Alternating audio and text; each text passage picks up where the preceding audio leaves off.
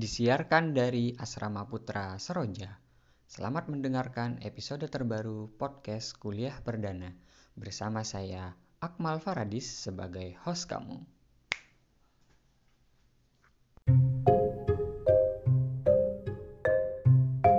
Halo, apa kabar?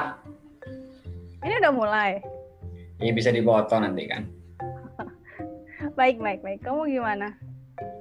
Pusing aku sekarang. Masih di kos. Masih dong. Aku nggak pulang loh. Dari dulu itu Iya, dari Idul Fitri tahun lalu. tahun lalu. Serius. Yes. Dua tahun berarti. Almost two years. Hmm. Ya gimana nggak? Males juga sih dan nggak kondusif gitu kan kemarin. Terus aku mikir kalau pulang kayaknya tugas akhirku nggak selesai. Ya udah dah di di kos aja.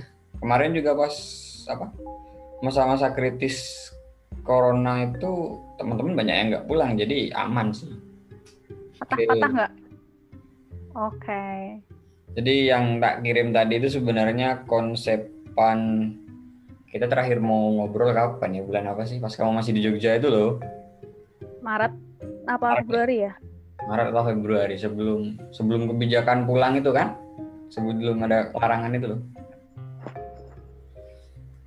Nah itu ya berkaitan dengan kamu sebenarnya masalah volun apa ya volunteerisme terus masalah baca buku masalah konten-kontenmu di Instagram. Kamu kan di Instagram lebih banyak ke story sama human interest itu sih yang mau diangkat jadi sebenarnya kita membicarain kamu nggak gibah soalnya ngomong sama langsung Aku tinggal jawab doang kan? tinggal cerita sebenarnya gimana mulai dari perkenalan Aku dikasih pertanyaan aja gitu nah. ya kenalan dulu kasih Apa background aja yang mau dikenalin? Hmm? Background. Background apa? Nama kesibukan hobi Namaku Winda. Sibuknya nggak ada. dan menjadi kesibukan Apa ya? Hobinya keliling-keliling. akun media sosial keliling-keliling. Hmm?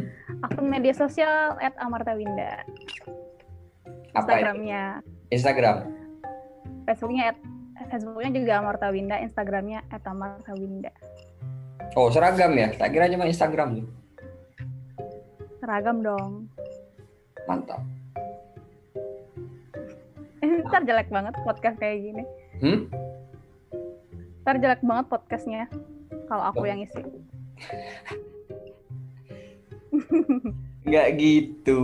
Oke, jadi teman-teman buat yang mendengarkan kita jaraknya jauh-jauhan aku di Jogja dan host kita eh host kok host. Gue kita kali ini Winda, teman dari kita kenalnya kayak MNU kan ya? Yes, waktu ada rakernas nggak sih? Betul. Apa ya waktu itu ya? Iya, Rakernas Bantul nggak sih? di Al-Mahali ya Aha, 2017 itu. 2017 ya itu ya? Oh, 2017. Sekarang Winda ada di Kayak orang tukang sate nggak? di rumah apa? Kayak tukang sate nggak? Kipas-kipas. Panas ya? Iya, tapi audiens nggak lihat kalau panas kan Oh, cuma iya. suara. Ya ya ya, oke. Nggak apa-apa kalau kalau sumuk di sini juga agak sumuk sih padahal tadi hujan.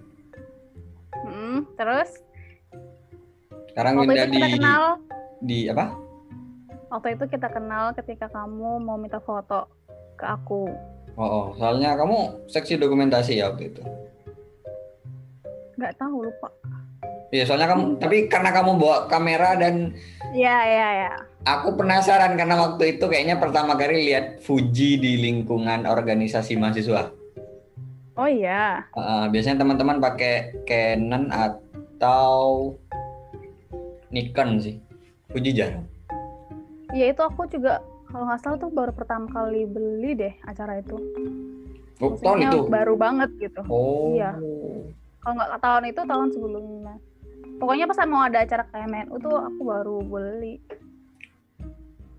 Kenapa mutusin Fuji dari sekian merek? Karena dulunya aku pu- punya Mbak Diana itu kan yang teman pondokku. Heeh. Itu dia juga pakai Fuji. Terus kan sering foto-foto tuh. Heeh. Jadinya kayak bagus aja. Ya udah deh, jatuh cinta. Sekarang masih ya? Masih dong, cuman itu satunya. Cuman itu satunya. eh tapi menurutmu Fuji ini punya apa ya ciri khas di tone warna nggak sih? Iya, warnanya sih yang enak banget gitu. Nggak perlu banyak edit. Ah, Menurutku loh ya, kayak terus kayak instagramable banget warna-warnanya tuh. warna-warna Ceria kayak gitu. kameranya atau warna-warna hasil fotonya? Warna-warna fotonya, hasil fotonya. Oh, hasil fotonya. Tapi kameranya juga bagus sih. Kayak apa? Retro gitu ya. Iya, modelnya retro gitu. Hmm. Soalnya aku pribadi pengalaman, soalnya sekarang itu Kak Kak Ferry juga pakai Fuji, cuman serinya beda aku lupa. Ada beberapa kontenku di Instagram take pakai kameranya dia tanpa aku edit tone sekalipun udah bagus. Iya, Ya udah kayaknya Fuji, dapet gitu. Fuji pun punya anu sih karakter warna sendiri. Jadi sekarang udah hampir berapa ya? Empat tahun, lima tahun kameranya? Empat tahun kayaknya ya. Selalu kamu bawa kalau ada kegiatan Ke mana pun. ke mana pun. Iya. Selalu. Terus kemarin pas bikin ininya apa? Video yang apa lingkar senandung bukan sih? Pakai itu nggak? Oh iya, udah nonton ya? Apa? Udah nonton. Udah. Kalau nggak nonton nggak nanya aku. Iya bener-bener. Itu film pendek sama teman-temanku. Tapi bikinnya pakai video apa kamera Canon, Oh. nggak pakai Fuji. bisa anu kasih judul channel gitu biar teman-teman mungkin yang penasaran bisa nonton. Apa? Link judulnya channelnya buat video yang kita bahas tadi kalau ada teman-teman mau nonton. Oh iya. Cari aja lingkar senandung Omo Production. Oke. Udah otomatis muncul ya di YouTube ya. Insya Allah ya. Itu apa sih sebenarnya Kayaknya iya. Kayaknya iya sih. profile atau apa sih sebenarnya? Videonya itu kasih Ya. lah gambaran singkat. Isinya apa gitu. Itu tentang apa gitu. Oh. Oke oke. Oke, Jadi itu filmnya itu dibikin karena kita tuh mau ikut lomba film pendek di apa bioskop Indonesia apa ya? Kalau nggak salah. Yang ngadain tuh bioskop Indonesia kalau nggak salah. Mhm. Yang jurinya Hanung itu loh sama Marcella Zalianti. Mhm. Itu temanya itu tentang dari rumah untuk Indonesia. Oke. temanya itu.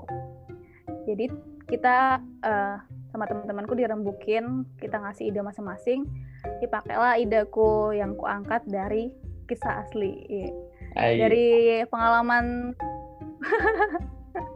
dari pengalamanku sendiri gitu, yang aku bikin lingkar buku mal. Iya iya iya aku tahu aku nonton.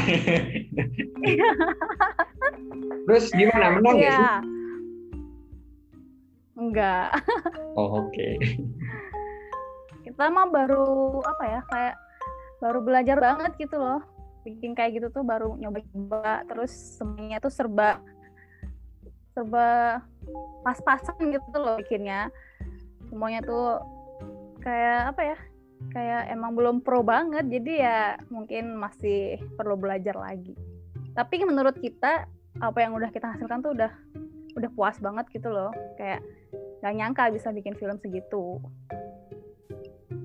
Nah, kalau aku lihat cara penyampaian story dalam dari scene ke scene itu kadang masih agak patah sih tiba kok kok tiba-tiba gini. Cuman secara sinematografi itu bagus. Ini anu ya personal review ya. Ya. Uh. Untuk cast, uh, entah kenapa aku lebih suka perannya Eric sebagai Jay sih. Lawan mainnya yang jadi kamu tuh kayak masih agak kaku. Oh iya, malah kirain si Eric yang kaku. Ngomongnya yang kaku, tapi secara personal enggak loh. Oh mungkin Ericnya karena Eric kan emang dia ikut nganter-nganterin buku ya, jadi mungkin lebih menjiwai kali ya. Iya. dan si Avery itu yang otoy yang jadi sendu itu emang masih kecil gitu loh masih kuliah semester berapa gitu kenapa nggak kamu sih yang jadi main case-nya? Hmm, yang lain setuju si Avery oh ya dan kamu tidak mempertanyakan itu. Nggak mungkin aku kurang enak kalau di kamera mal. Kenapa? Ya nggak tahu. Lebih enak di belakang kamera ya? Iya sih. Walaupun pengen juga sebenarnya di depan kamera tapi karena ya gimana ya uh, masa aku kepedean sih nunjukin diriku sendiri. Jadi ya udah biarin ya monggo gitu siapa pun boleh. Tapi aku tetap ngedirectnya sih dia harus gini-gini gitu. Jadi apa yang aku mau juga udah nyampe gitu loh. Walaupun ya masih kayak gitu hasilnya. Ya oke. Udah menurutku udah bagus sih dari dari apa penilaianku skala skala 1 sampai 10 ya 7,5 apalagi ya, kalian iya. baru mulai. Iya. Dan itu aku baru pertama kali yang bikin skrip terus bikin apa namanya ngedirect langsung harus gini gini harus apa posisinya lah harus kayak gimana ekspresinya ngomongnya. Itu lumayan capek loh gitu bikin film. Cuma kayak gitu doang ya, ya capek emang makanya makanya jangan nonton bajakan pesan moral nonton bajakan iya ya benar-benar Ya tapi sebenarnya meskipun ini anu ya yang aku lihat meskipun kalian susah gitu ya buat bikin satu video itu. Tapi kan kamu enjoy karena sepertinya memang ada kaitannya dengan banyak background di belakangmu gitu ya. Kayak misalkan iya. video kan kamu juga terjun di fotografi, terus ceritanya merupakan sosial projectmu sendiri. Jadi apa selama dalam proses pembuatan video itu aku pribadi ya menilai bahwa kalian menikmatinya. Win. Ya. Sejak kapan suka fotografi? Dulu pas aku SMA tuh suka bawa kamera digital gitu loh. Suka aja foto-foto. Ya belum jelas sih kalau itu namanya fotografi lah, ada segala macam halnya. Jadi cuma emang punya kamera digital, sering foto-foto dan cantik gitu hasilnya. Terus akhirnya punya yang dari kerja di perpus nih jadi jadi ngumpulin ngumpulin ya akhirnya bisa kebeli kamera 2000 ya 2017 deh kayak iya benar 2017 beli Tapi kamera waktu... terus huh? mm -mm. terus apa lanjut lupa aduh aduh sorry sih tapi pas baru awal beli kamera itu belum kepikiran ya sebenarnya kamu pengen fokusnya ke genre apa sih? Belum, belum sama sekali. Jadi dulu itu aku tuh tukang foto Mbak Diana ya. Dia kan jualan baju online. Jadi dia suka minta tolong fotoin dia apa?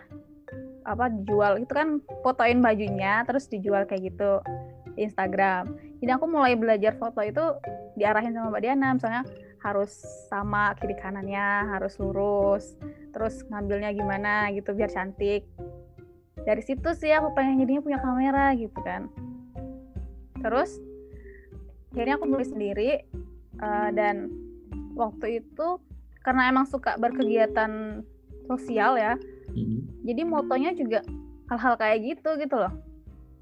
Ya foto orang terus kegiatan orang. Uh, terus ya udah.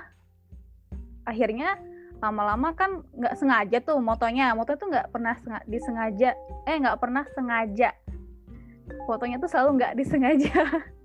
Lebih Jadi banyak momen asal, ya?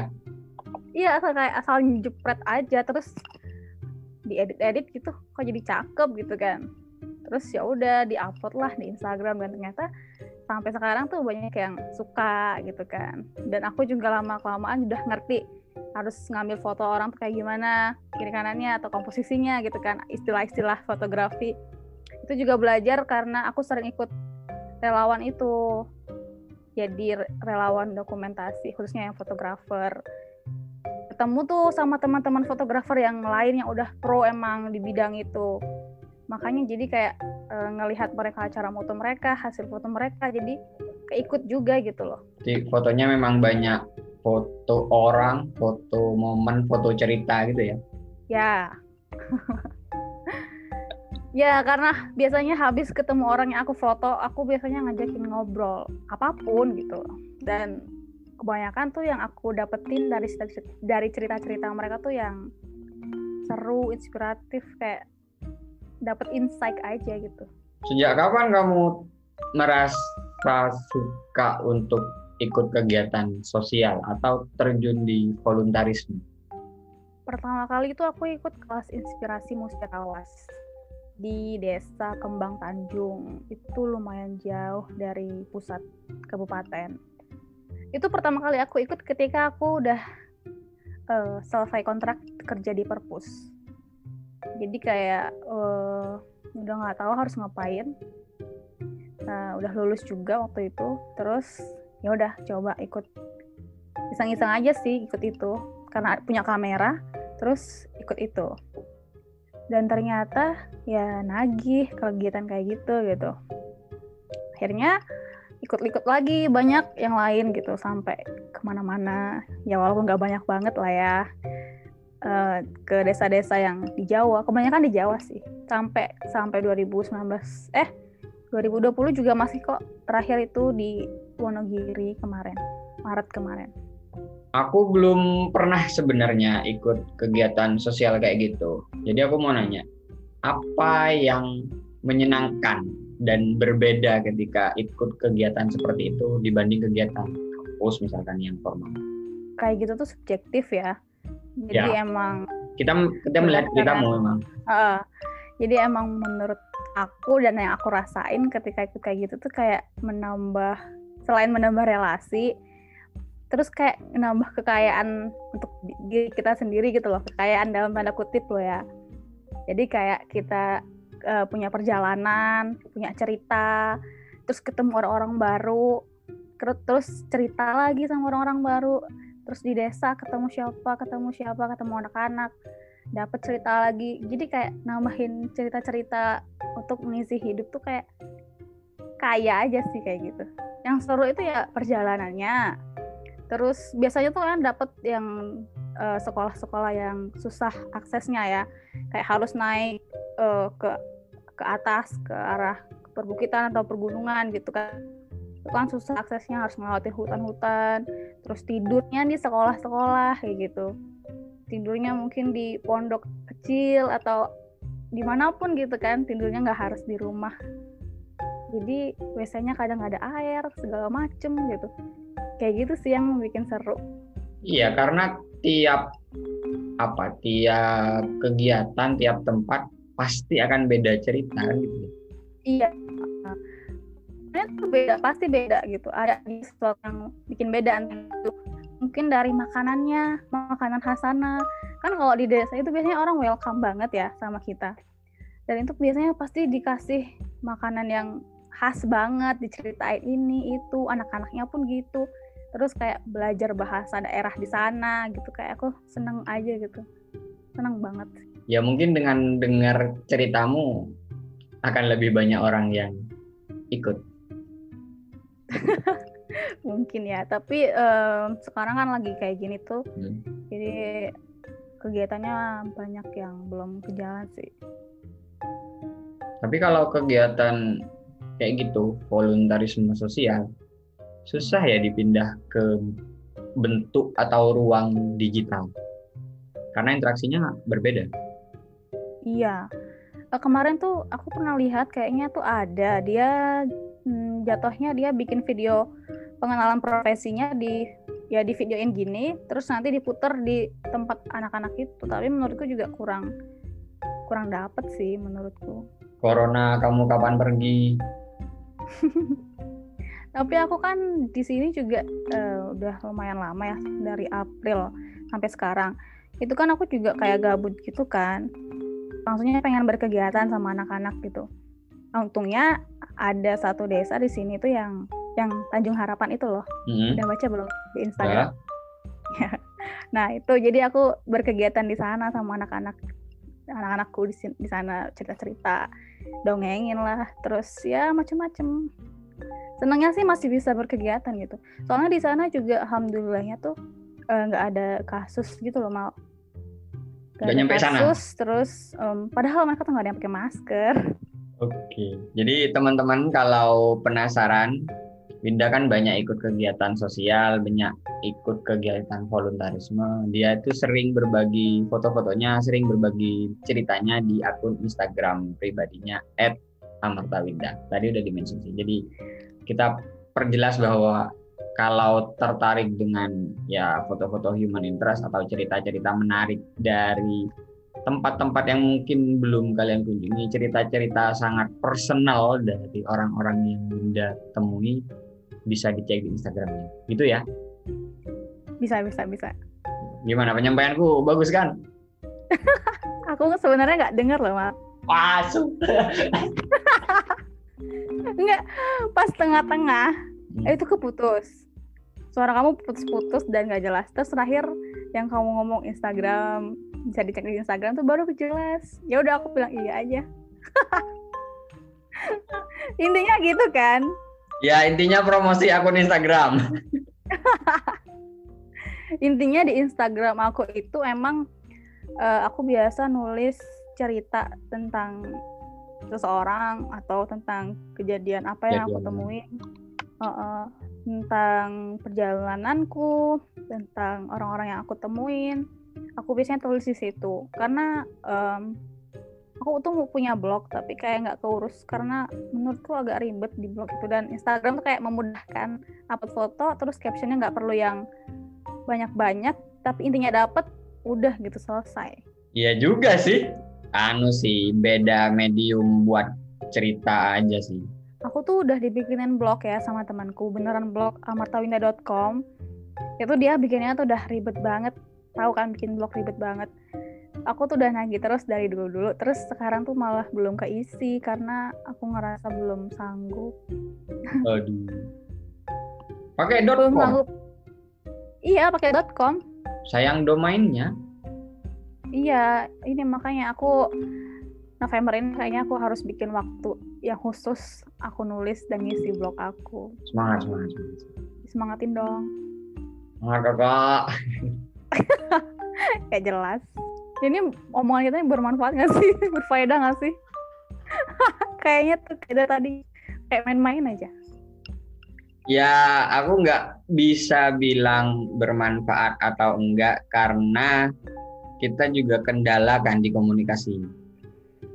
Kadang putus, kadang aku ngomong kepotong, kamu ngomong kepotong. Iya. Ya udah nanti lihat hasil rekamannya gimana, bermanfaat atau tidak, kembalikan pada audiens. Semoga hasilnya bagus Iya. dan kamu mudah editnya. Oh iya, kamu kenal Pak James di mana? Oh iya, Pak James itu waktu Ruby ruang berbagi ilmu di Jombang. Jombang ya? Iya di Jombang. Ya relawan juga kayak gitu. Tapi si Pak James tuh ini dia apa eh, si relawan narasumber. Oh, Aku kan relawan fotografernya.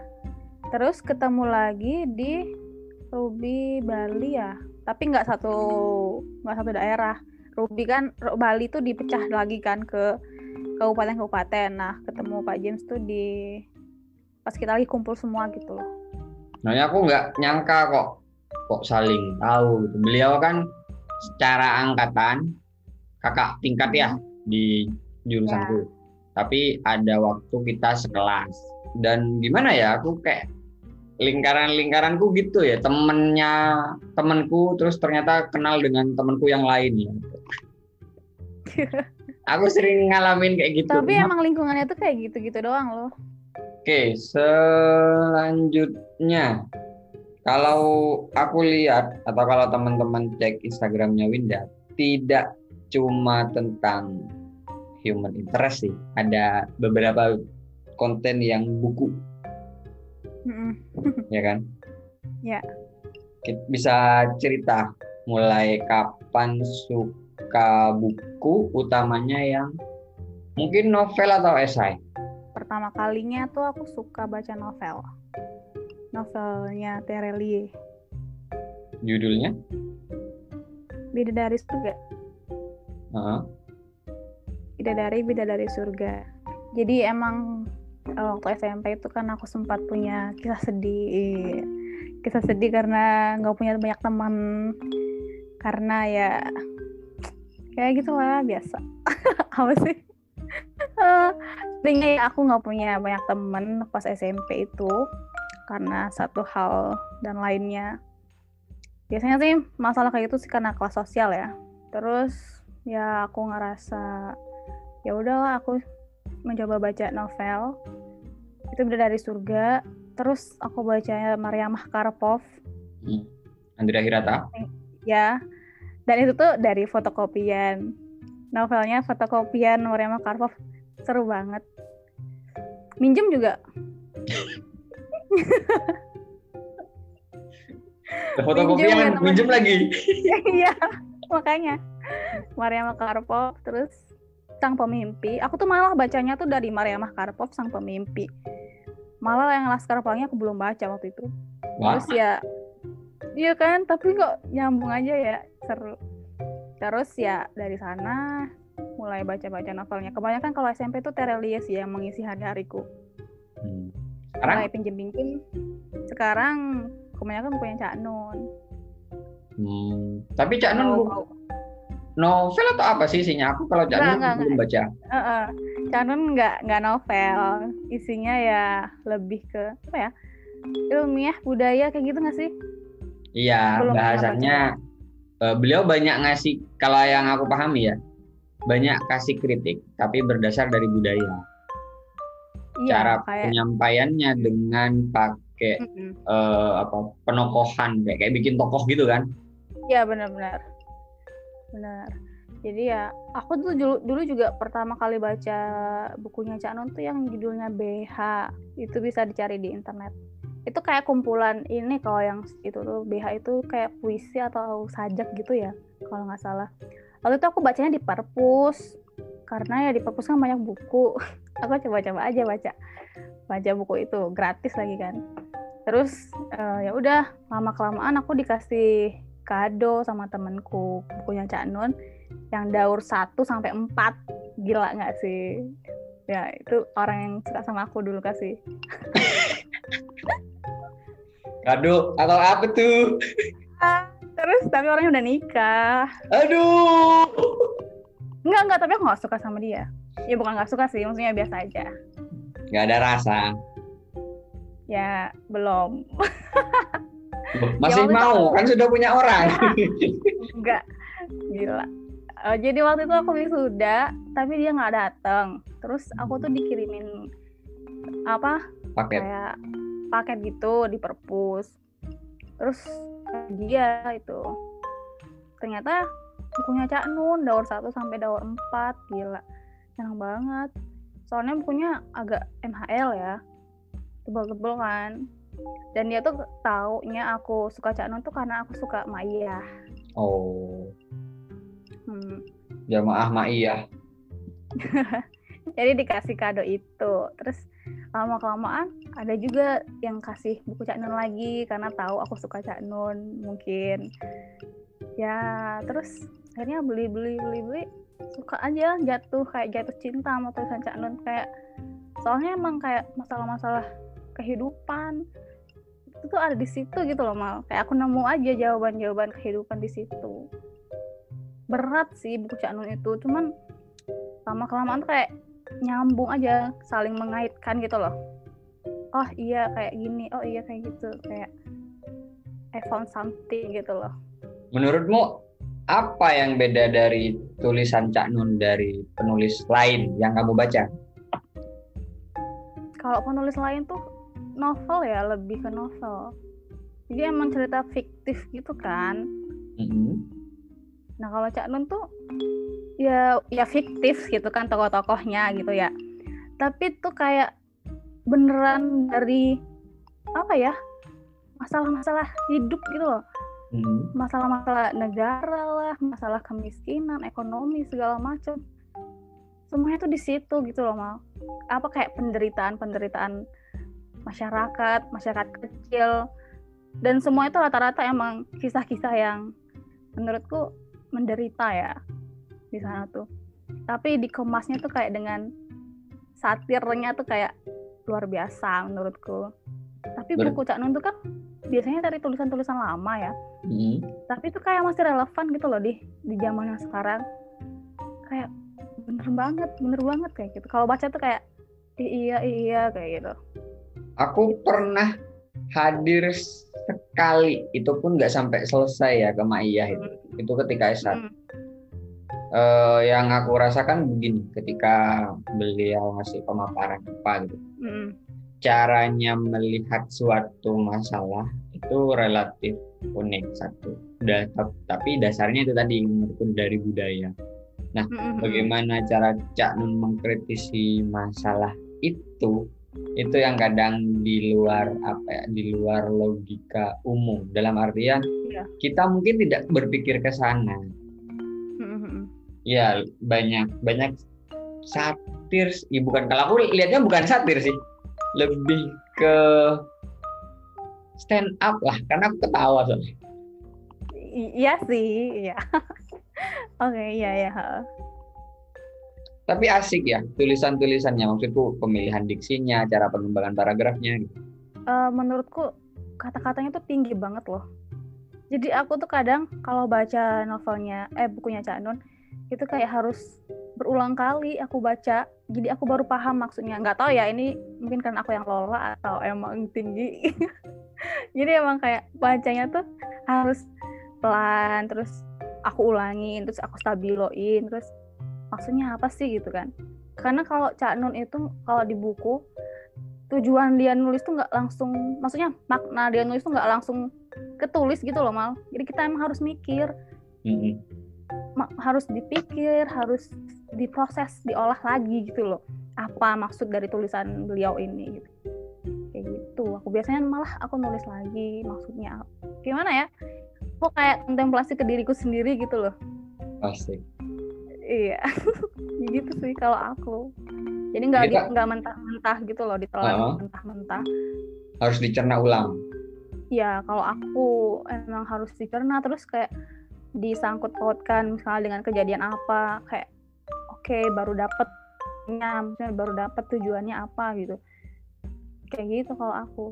Tapi mungkin ya mungkin. Aku soalnya belum pernah baca satu buku ataupun satu tulisan utuh tapi mungkin beliau memang memberikan eh memberikan memang menulis tulisan yang mengajak pembacanya lebih banyak mikir.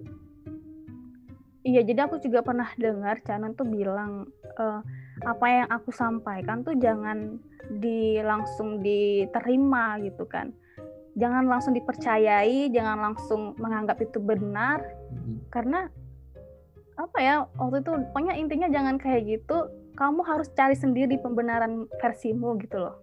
Aku pernah dapat wejangan serupa dari guruku. Uh. Jadi menurut beliau kita ya ini anu ya kalau nyambung ke jurusanku hak asasi manusia itu salah satunya intellectual freedom. kebebasan ber, berintelektual. Kamu bebas untuk cari informasi apa pun, baca apa pun. Tapi kamu perlu punya ruang dialog dengan bacaan. Hmm. Apa yang misal buku ya, buku bilang A itu yang enggak serta merta kita langsung telan bulat. Ya. Jadi ada jarak antara kamu dan bacaanmu untuk memberikan untuk kamu memberikan penilaian, untuk kamu memberikan uh, pembuktian atas apa yang kamu baca. Itu sih. Jadi buat teman-teman yang baru mulai mau membaca atau sudah sering membaca perlu ada sikap kritis seperti itu.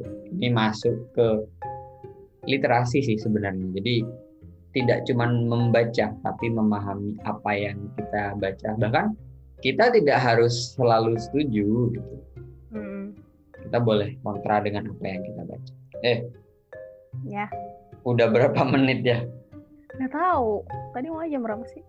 Kalau di apa chat tadi itu masuknya 2156. dua iya dua satu lima enam dua satu lima tujuh harusnya udah Anggapnya tadi jam 10.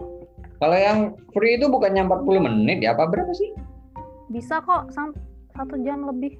bisa soalnya aku juga nggak ada award apa-apa nih Bisa, dia eh, emang di situnya 40 menit, tapi tetap jalan. Selama ini kalau aku pakai Zoom kayak gitu.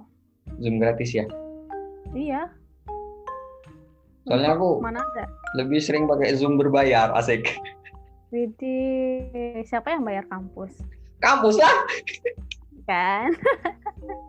nah, saya bayar kuliah mahal Makanya cepet selesai, biar nggak bayar lagi. ya aku nggak mau bayar SPP-an lagi ini kan aku lagi tugas akhir Oh iya ya. jadi bulan November kamu fokus ngisi blog aku fokus menyelesaikan tugas akhirku Oh iya ya, oke. semangat kakak Apalagi nih? sebenarnya anu sih aku agak apa ya eh, lost hilang konsepan itu gara-gara banyak putusnya dari tadi. Terus tak recap ya. Jadi pertama yang bisa kita teladani ada nih. dari Winda adalah menemukan apa yang kita suka passion terus konsisten pada satu hal itu mungkin butuh proses. Awalnya kamu suka fotografi ya udah yang penting foto aja dulu bahkan nggak tahu itu fotografi. Terus lama kelamaan dengan berjalannya waktu dengan ketemu banyak orang akhirnya bisa spesifik mana yang kamu suka yang kedua mengenai kegiatan sosial. Kalau teman-teman tertarik kalau aku sih sampai saat ini belum ada ketertarikan ya. Mungkin lain waktu. Kalau teman-teman tertarik sebenarnya dengan ikut eh, apa ya relawan ikut kegiatan sosial itu kita akan ketemu banyak orang baru yang pasti punya cerita baru kita berkunjung ke tempat yang baru ada aja hal yang entah belum kita lihat atau baru kita tahu ketika kita sampai di sana. Itu poin kedua. Jadi apa ya sebenarnya kegiatan sosial bertemu dengan orang pergi ke mana-mana ikut relawan itu bentuk per adventure bentuk apa? adventure apa sih Petualang. petualangan Serina Kedua. Dua bentuk petualangan gitu kan. Jadi kalau teman-teman suka tertantang, suka ketemu hal-hal baru silahkan ikut seperti itu. Namun ke recap ketiga, hal-hal baru sebenarnya bisa kita temukan dari buku juga. Mm. Kita anu ya, kita perlu bersepakat mungkin untuk bilang bahwa agar orang suka baca seperti kata Mbak Nana, temukan satu buku dulu baru jatuh cinta. Ya, silakan teman-teman cari buku ya apa pun itu. Kalau tadi Winda mulai dari novel, aku juga startnya sih novel ya dulu ketika baca novel anak. Terus seiring berkembangnya waktu, usia eh, mulai berubah, mulai tersegmentasi. Tetap suka novel, cuman bukan bacaan utama Ya, heeh. kayak gitu juga sih. Aku juga tetap suka sama novel, tapi kalau mau beli novel mikir lagi gitu loh, mau beli buku yang lebih aku butuhin kayak gitu. Ketika kita membaca, usahakan punya ruang dialog dengan bacaan itu. Bacaan apa pun sih sebenarnya. Meskipun apa yang kita baca sama eh sama sama. Apa yang kita baca itu datang dari penulis misalkan yang kita suka atau dari kisah tertentu yang kita suka. Kita tetap perlu punya ruang kritis itu teman-teman. Ya itu sih kayaknya recapnya. Ada yang mau disampaikan? Mau bilang pesan-pesan terakhir agak horor ya? Janganlah. Apa ya? Oh, follow aja Instagramku. Pesan sponsor. Kita sudahi. Boleh? Terima kasih untuk waktunya. Sudah berkenan. Ya, kita nggak tahu sih tadi ngomong apa. Iya, kayaknya kalau nggak jelas, kayaknya perlu diulangin deh, Mal. Ya, nanti aku lihat hasilnya gitu gimana untuk kali ini. Terima kasih. Sampai jumpa di kesempatan yang lain. Dah. Dah, udah nih dimatiin. Ya.